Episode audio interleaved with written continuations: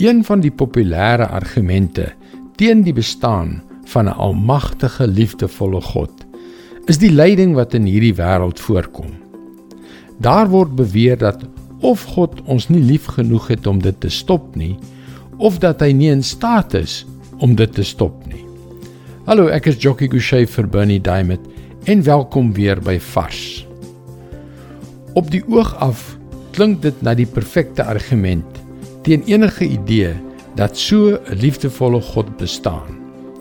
Daar word nie net gevra hoe kan 'n God van liefde al hierdie lyding toelaat nie, maar erger nog, hoe kan hierdie God van liefde eendag sommige van ons in die vuurige ewigheid van die hel laat gooi? Maar kyk na al die boosheid in hierdie wêreld wat veroorsaak word deur die vrye wil wat God aan elkeen van ons gegee het.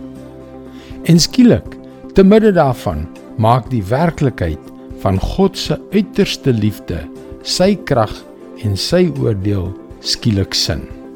Jesaja 26 vers 3 tot 6.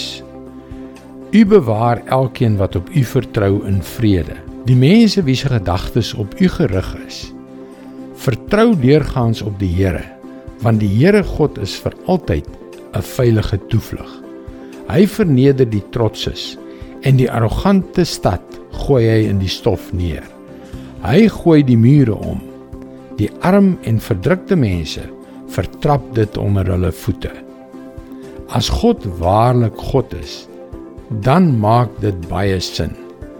Hy is daar om aan diegene wat op hom vertrou, vrede te gee en aan diegene wat van hom afhanklik is, veiligheid. Maar hy sal vernietiging en straf bring oor die hoogmoediges en oor diegene wat die armes onderdruk.